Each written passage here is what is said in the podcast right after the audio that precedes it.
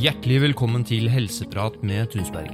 I denne episoden skal vi dykke litt inn i magnesiumprotokollen, eller det root cause protocol som den også kalles. For dette er ikke kun magnesium det dreier seg om, men også jern og kobber, og ikke minst balanse mellom disse tre viktige mineralene. Altså ganske komplisert biokjemi. Og for å klare dette så har vi igjen fått besøk av Jens Weiersted her i studio. Han er vår hovedlærer i ernæring. Når var det du første gang ble kjent med magnesiumprotokollen, Jens? Ja, det er Ca. to år siden kom jeg over denne hjemmesiden til en kar som heter Morley Robins, hvor han skrev om magnesium, men kanskje enda mer om jern og kobber. For Magnesiumprotokollen er egentlig et litt feil navn. Det har blitt hengende igjen fordi han startet ut med magnesium og boken til Carolyn Dean, The Magnesium Miracle.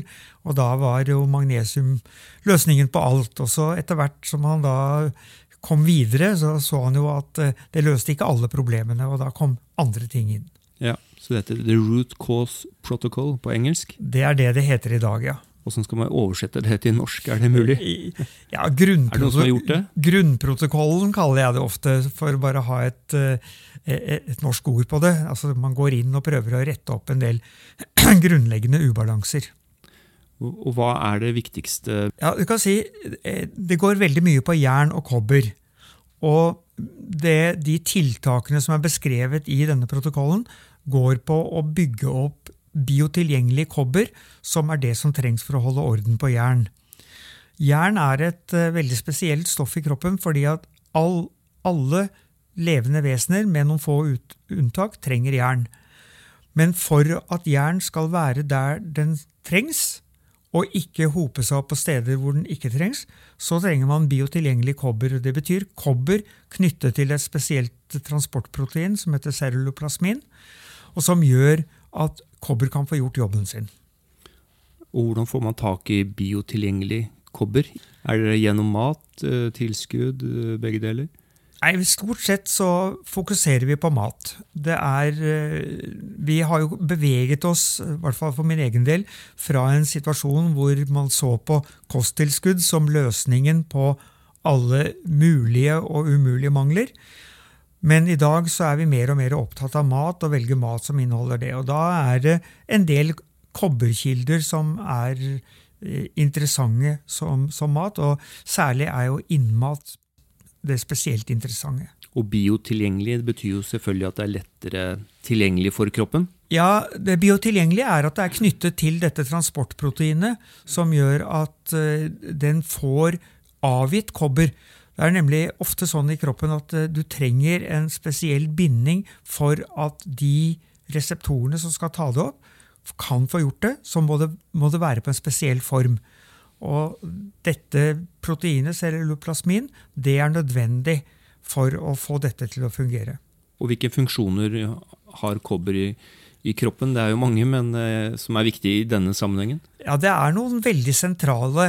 Det er jo en hel haug selvfølgelig som, hvor kobber har en betydning. Men for å ta det som vi veldig mange sliter med i dag, nemlig energiproblematikk, så er kobber nødvendig i det som heter elektrontransportkjeden, hvor det meste av maten, eller si, de fleste energimolekylene fra maten blir produsert. Og uten kobber så stopper det opp før man får ut ATP, som er energimolekylet. og Derfor så er kobber ekstremt viktig der. Hva skjer hvis man får i seg feil type kobber? da? Kobber i seg selv kan være litt problematisk i kroppen. Som jern så har kobber flere former. Og den reduserte formen, som altså kan virke som en oksidant, den kan skade vev. Ikke, det er ikke så ille som jern, men fortsatt ikke ok. For Det er vel spesielt jern da, som du sier, som er, hvor man skal være veldig forsiktig med å ta tilskudd av, hvis man ikke er 110% sikker på at man trenger jern? Ja, jerntilskudd er problem, et problematisk område, faktisk. Og en av årsakene er at kroppen er litt rar når det gjelder håndteringen av jern. Og Årsaken som jeg nevnte er at alle organismer, også patogene, altså bakterier og virus, trenger jern. Og Hvis du har for mye jern i blodet i en situasjon hvor du er under belastninger, så vil det kunne føre til en oppblomstring av bakterier og virus i kroppen og sykdom. Og Hva må man gjøre da? Det er ikke, det er ikke så mye man trenger å gjøre, fordi at kroppen har en eh, egen mekanisme hvor den da gjemmer bort jern. Og da forsvinner jern inn i vevet, og så blir det liggende der sånn så lenge man har en infeksjon. Fordi det er et, et spesielt stoff da som hemmer jern for å komme ut i blodet. Nettopp for å hindre oppvekst, fremveksten av disse patogenorganismene. Og Hvordan kan man vite at man har for mye jern i Er det enkelt å Det er faktisk veldig vanskelig.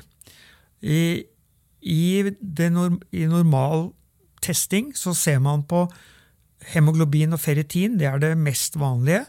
Noen ser også på serumjern og total jernbindingskapasitet og jernmetning. Eh, og hvis man har et, eh, si, litt andre kriterier å gå etter enn det man bruker i skolemedisin, så kan man si noe om jern kanskje er borte. Men det er ikke noen god test. Det sies at den eneste testen som kan fortelle om det er for mye jern i kroppen, er en biopsi av leveren. Og det sier seg selv at det er ikke akkurat noe man gjør på samlebånd. Så det kan hende at en del av de som får beskjed om å ta tilskudd av jern, egentlig har nok jern, eller kanskje for mye òg, eller? Det kan godt hende. fordi at eh, hvis man da har en infeksjon, og faktisk er det som et chronic, eh, anemia of chronic infection, altså en anemi pga. infeksjoner. Det er beskrevet eh, i hvert fall tilbake på slutten av 40-tallet. Mulig tidligere også, men da har jeg funnet en artikkel som beskriver, det. Eh, og da vil man ved å måle hemoglobin og ferritin kunne finne ut at man mangler jern. Hvis du skal si litt om sammenhengen mellom jern, kobber og magnesium, er det mulig å si noe enkelt om det? Ja, det som, det som er si, sammenhengen, er at magnesium trengs for å danne celluloplasmin, dette transportmolekylet som tar kobber dit det trengs. Og kobber er involvert i det meste som skjer med jern i kroppen. Så her har vi altså en kjede som gjør at hvis du mangler magnesium, så kan du få trøbbel med å ha biotilgjengelig kobber, som igjen gir at jern ikke blir håndtert riktig i kroppen. Og selve, Hvis vi går litt tilbake til selve magnesiumprotokollen, så er jo det en slags oppskrift på å løse en del problemer, ikke sant?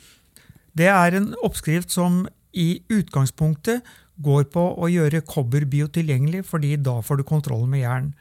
I tillegg, I tillegg, så er det om å gjøre å ikke tilføre kroppen mer jern, fordi at de aller fleste som lever et moderne, nokså stressende liv, de vil ha problemer med for mye jern.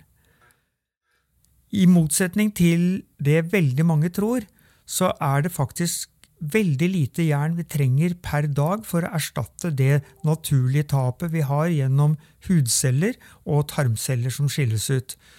Unntaket er selvfølgelig kvinner som har eh, normal menstruasjon, som mister jeg tror det er rundt 28 mg med jern i den forbindelsen. Men ellers så mister vi ca. 1 mg per dag, som er ekstremt lite. Og spiser man noenlunde fornuftig mat og har en god fordøyelse, så er det ikke noe problem å ta opp og få dekket det. Så kanskje vi menn blør for lite, er det det som er eh... Ja, det er jo faktisk... Vi er jo fra steinalder og tidligere så var vi ute og sloss med tigre og løver og blødde kanskje litt mer enn vi gjør i dag? det, det tror jeg er helt riktig. Uh, og det er faktisk noen som har sett på levealder til de som gir blod regelmessig, og sammenlignet med folk som ikke gir blod, og det ser ut som de er friskere og lever lenger. Og vi ser også at kvinner som har hatt Eh, normal menstruasjon da fra de er 13-14-15 eh, til til de, er eh, rundt 50, de får disse typiske livsstilssykdommene, i hvert fall mange av dem, senere enn menn gjør. Så det er mye som tyder på at, at for en del menn så er jern et helt reelt problem. Så kanskje årelating er på vei inn i skuddet igjen? Ja, Det er jo ganske spennende, da, fordi at årelating har jo blitt sett på som heksekunst. Mm. Og noe som var kvakksalveri, men kanskje det har en betydning som er mye viktigere enn det vi har trodd. Ja, Det blir jo brukt fortsatt på sykehus ved noen få tilstander. Så kanskje det kommer litt inn igjen. Men man kan jo gi blod, da, hvis man har mulighet til det. Ja, Utfordringen er jo at veldig mange menn når de blir eldre, får uh, oppdager at kanskje det er litt, de høye, litt, litt høye jernlager og for mye jern i kroppen, og så er de for gamle til å få gitt blod. Og hvis ikke de har uh, for diagnosen hemakromatose, så er det ikke noe organisert måte å bli kvitt blod på, så vidt jeg vet. Hvem er det som har eh, nytte av å teste ut uh, magnesiumprotokollene? Ja, nå er man i, når man jobber med, med, vitaminer og mineraler, sånn som vi gjør veldig mye, eller med mat da, med, som inneholder disse næringsstoffene, så er vi opptatt av u, å identifisere ubalanser og rette opp det. Vi jobber jo ikke med sykdom som sådan. Men hvis du har en eller annen plage som du ikke får noe svar på, ikke, eh, prøver litt forskjellig så, og ingenting hjelper, sånn som gjelder faktisk ganske mange mennesker i dag, så kan det være interessant å få undersøkt om det kan være en ubalanse her. Noe av problemet er at innenfor helsevesenet så er det ikke alle disse testene som er ønskelig mulig å få gjort. Det, man må på privat laboratorium, og det er selvfølgelig både trøblete for folk som ikke bor i nærheten, og det er dyrt. Og så er det jo sånn Når man uh, lærer noe nytt og spennende som uh, gir lovende resultater, så tror man at det er løsningen på alle problemer. Ja, Vi har funnet mange magiske piller opp gjennom tiden. Eh, de fleste falmer etter hvert. Og vi, har, vi, vi må også, når det gjelder sånne ting som dette her, være litt avmålt og ikke ta helt av. Men det som er interessant i denne sammenhengen, det er at det er en del universitetsmiljøer rundt omkring i verden som ganske uavhengig av hverandre skriver om problemet med jern, og hvordan sammenhengen mellom uregulert jern og kroniske sykdommer. En av de fremste er en professor borte i Manchester som heter Douglas B. Kell, som har skrevet flere artikler, og senest nå for et år siden sammen med en professor fra Sør-Afrika, Pretorius, så har de skrevet en som heter If There's a If there's an effect, there is a cause.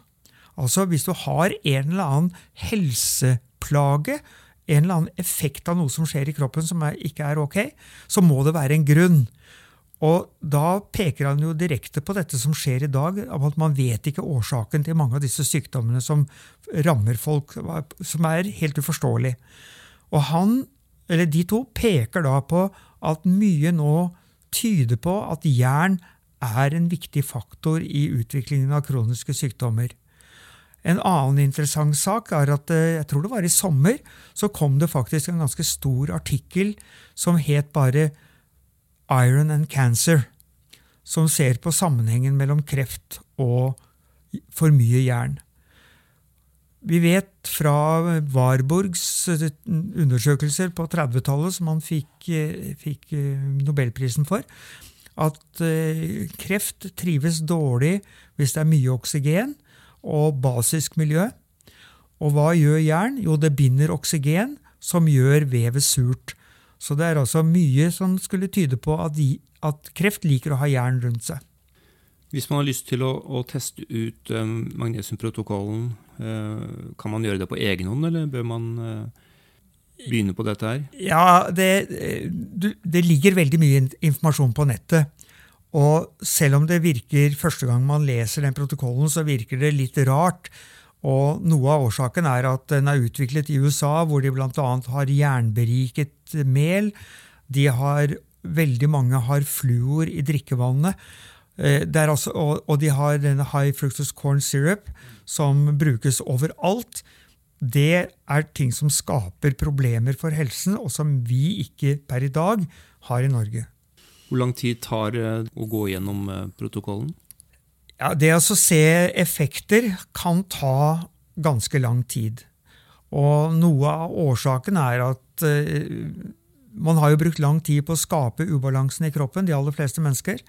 Eh, vi vet at kroniske sykdommer, disse livsstilssykdommene, ofte kommer når man eh, er litt godt opp i alder. Og det betyr jo at man har levd litt ugunstig i lengre periode. Så man snakker gjerne om at eh, kanskje opptil to-tre år før man begynner å se ordentlige resultater av det. Men på enkelte områder så kan man merke ting ganske fort. En Av de, et av de elementene som er veldig fornuftig der, det er jo å øke magnesiuminntaket. Fordi magnesiumnivået i maten vår er ikke så veldig bra.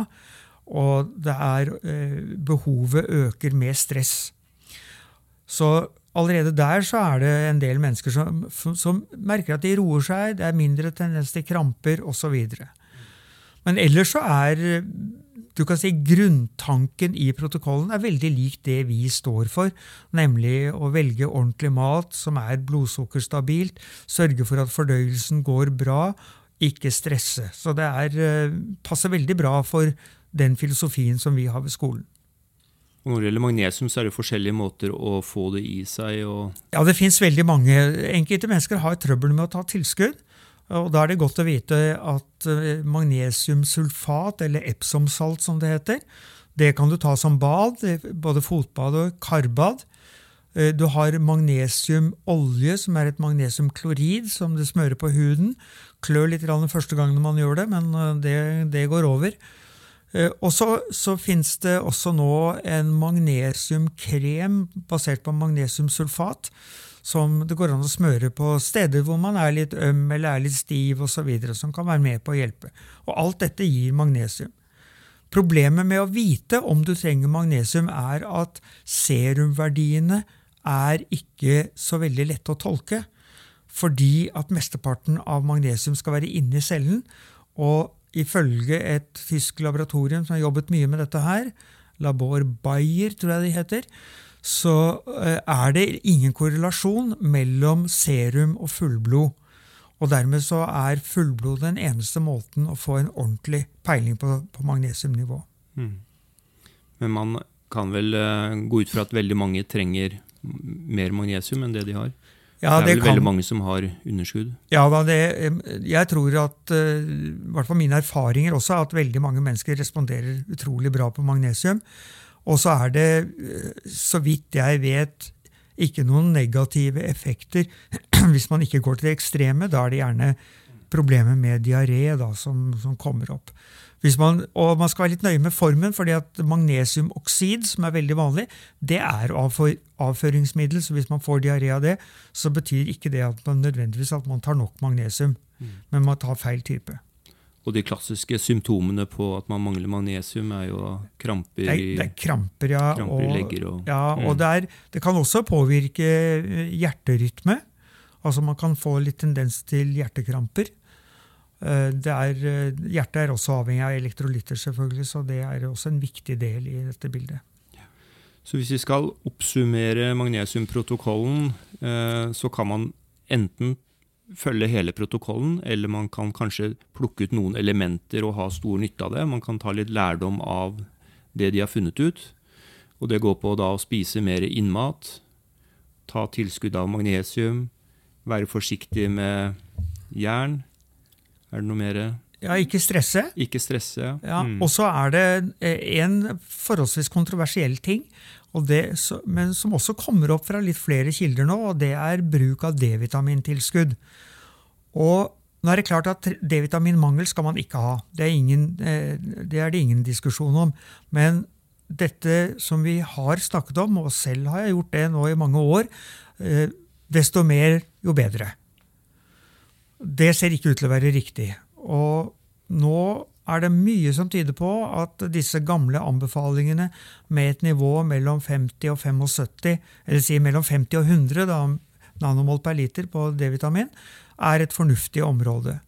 Og problemet med tilskudd av D-vitamin er at det forstyrrer retinolfunksjonen, som faktisk har kommet opp det siste halvåret nå som et meget interessant område. Noe som er sentralt i protokollen, er jo hva du skal starte med, og hva du skal stoppe med. Ja, Det er en ganske omfattende liste. I hvert fall Første gang man ser på den, så virker det litt uh, voldsomt. Men det vi kan si da som en slags avslutning, det er at det man skal stoppe med, er det viktigste. Fordi det gjelder ting som forstyrrer produksjonen av dette eh, proteinet celluloplasmin. Starten kan man ta litt etter hvert som man eh, kommer i gang og se på hva, hva man føler passer. Og så er det viktig å kjenne etter hva kroppen sier. Fordi det er aldri sånn at alt passer alle. Og kroppen gir beskjed hvis man bare hører etter. Kan du gi noen eksempler på hva man da burde stoppe med?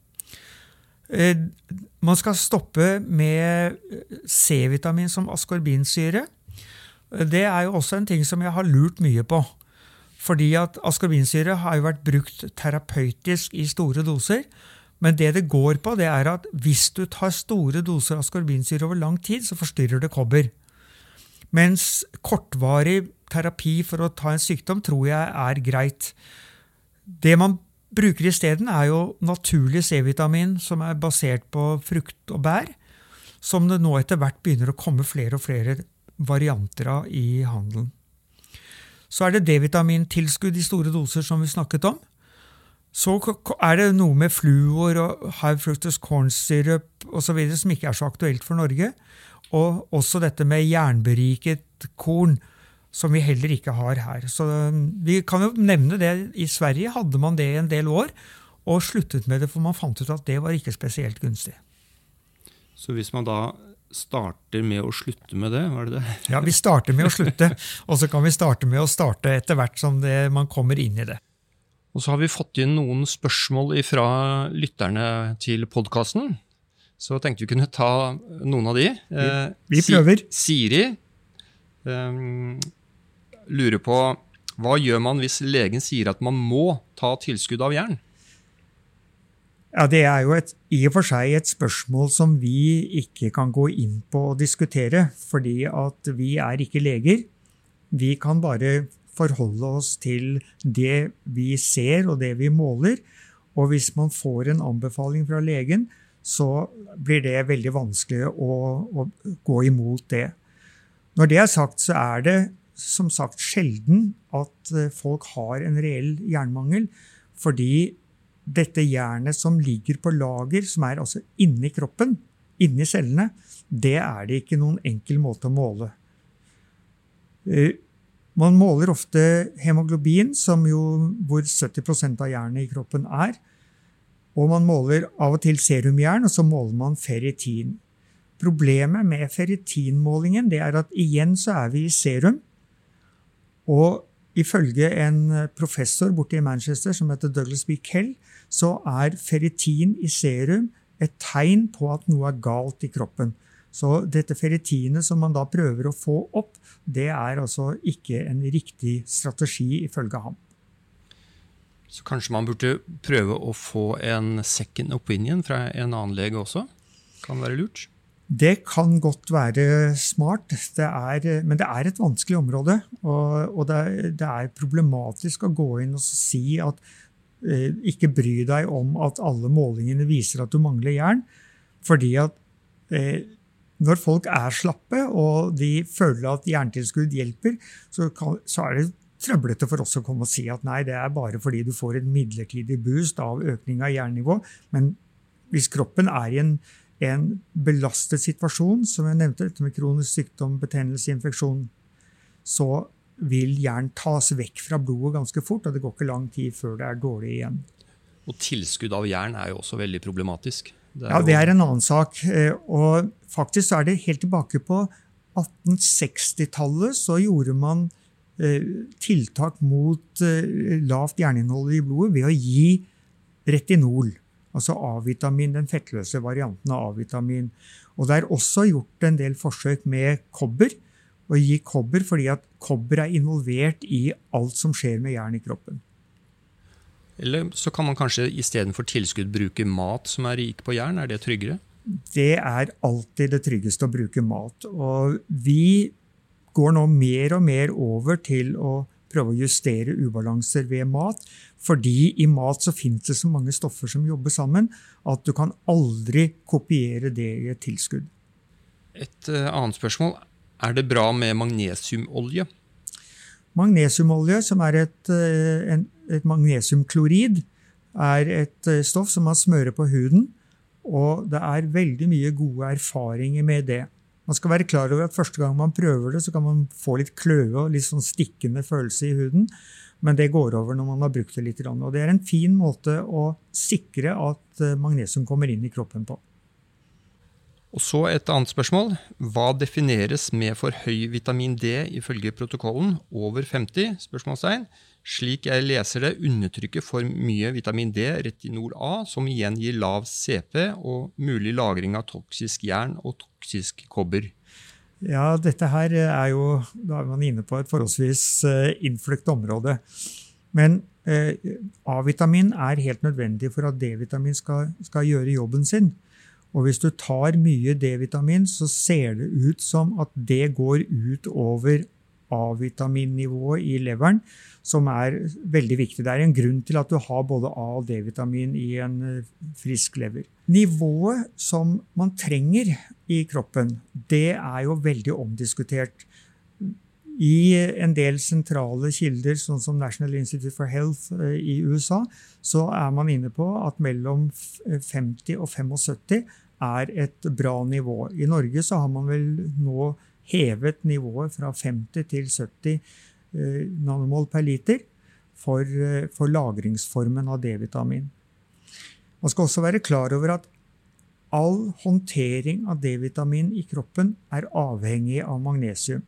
Så om du tar det fra mat eller fra tilskudd, så kreves, det, eh, eh, kreves magnesium for å konvertere det til lagringsformen. Så faktisk så kan D-vitaminmangel målt hos legen være et tegn på magnesiummangel hvis ellers inntaket av D-vitamin er i orden. Hva tenker du om å bruke eller følge magnesiumprotokollen helt alene hvis man ikke har noe kunnskap om ernæring? Er det bedre å gå til en ernæringsterapeut uh, som har satt seg nøye inn i dette, her, f.eks.? Ja, jeg tror jo det, fordi at uh, det er omfattende. Det er også en ting man må være klar over, at når man jobber med mat, som er hovedfokus i denne protokollen, så bruker man lang tid. Og man prater ofte om ett til to år, kanskje før man begynner å kjenne at man er ordentlig på rett vei.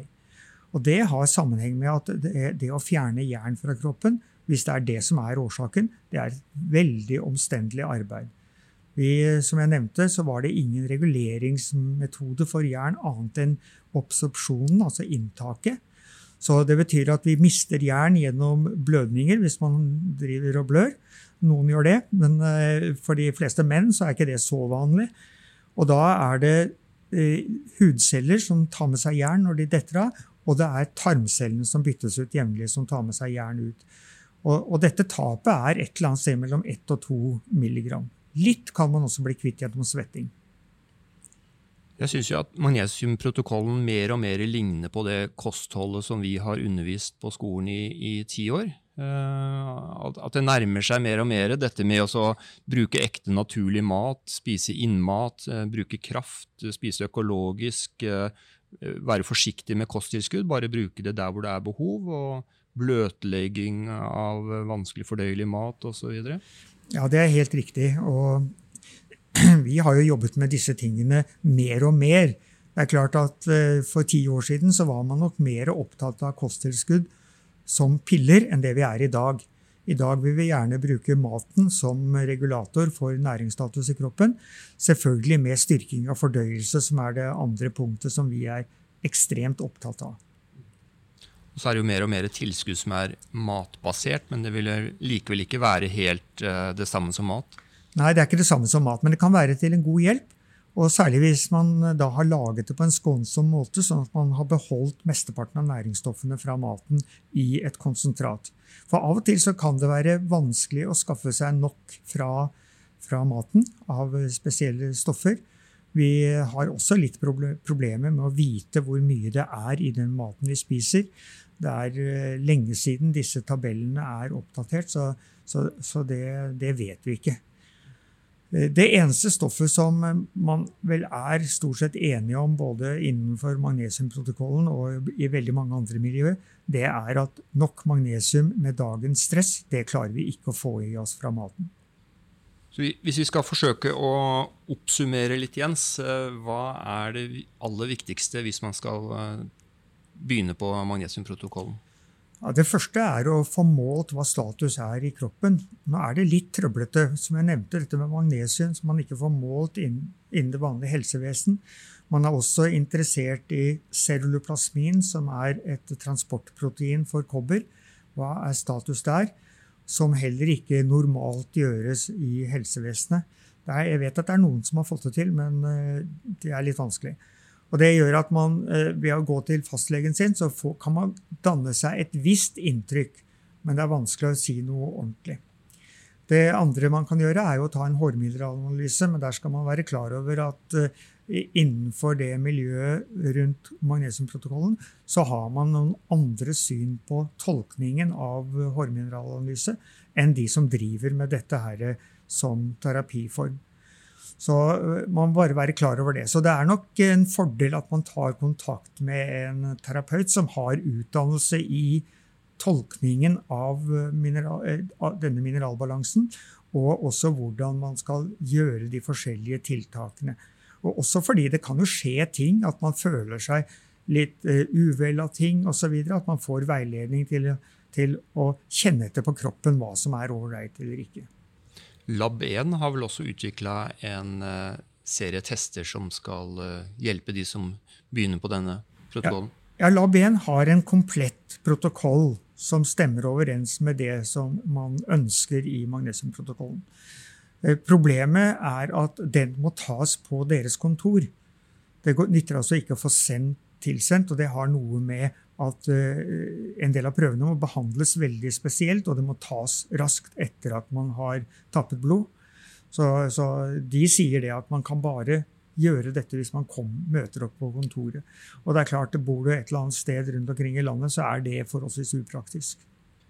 Så det er vel kanskje det vi rakk i dagens. Vi har vel bare så vidt begynt å skrape på overflaten. Jeg tror vi absolutt må komme tilbake til dette her senere. og og kanskje ha et eget program eller en egen sending bare om jern? Jeg tror det er absolutt på sin plass. Vi kan kanskje kombinere jern og kobber fordi de henger så veldig godt sammen. Og det er en, eh, det er en fascinerende reise, men eh, bare kompleksiteten er ekstremt stor, for det er så mange elementer som henger sammen, som man må skaffe seg oversikt over, og det tar tid. Da gleder vi oss til det. Ja, det er morsomt. Ingen tvil. Det var det vi hadde i dagens episode. Tusen takk for at du har hørt på, og vil du høre mer, vil jeg anbefale at du abonnerer på oss i enten iTunes eller Spotify. Og Hvis du likte denne podkasten, så vil det hjelpe oss utrolig mye om du hadde skrevet en liten omtale i iTunes. Hvis du har lyst til å lese om våre kurs, utdanninger og webinarer, så kan du gå til tunmed.no. Tusen takk for at du har hørt på. Så høres vi igjen snart.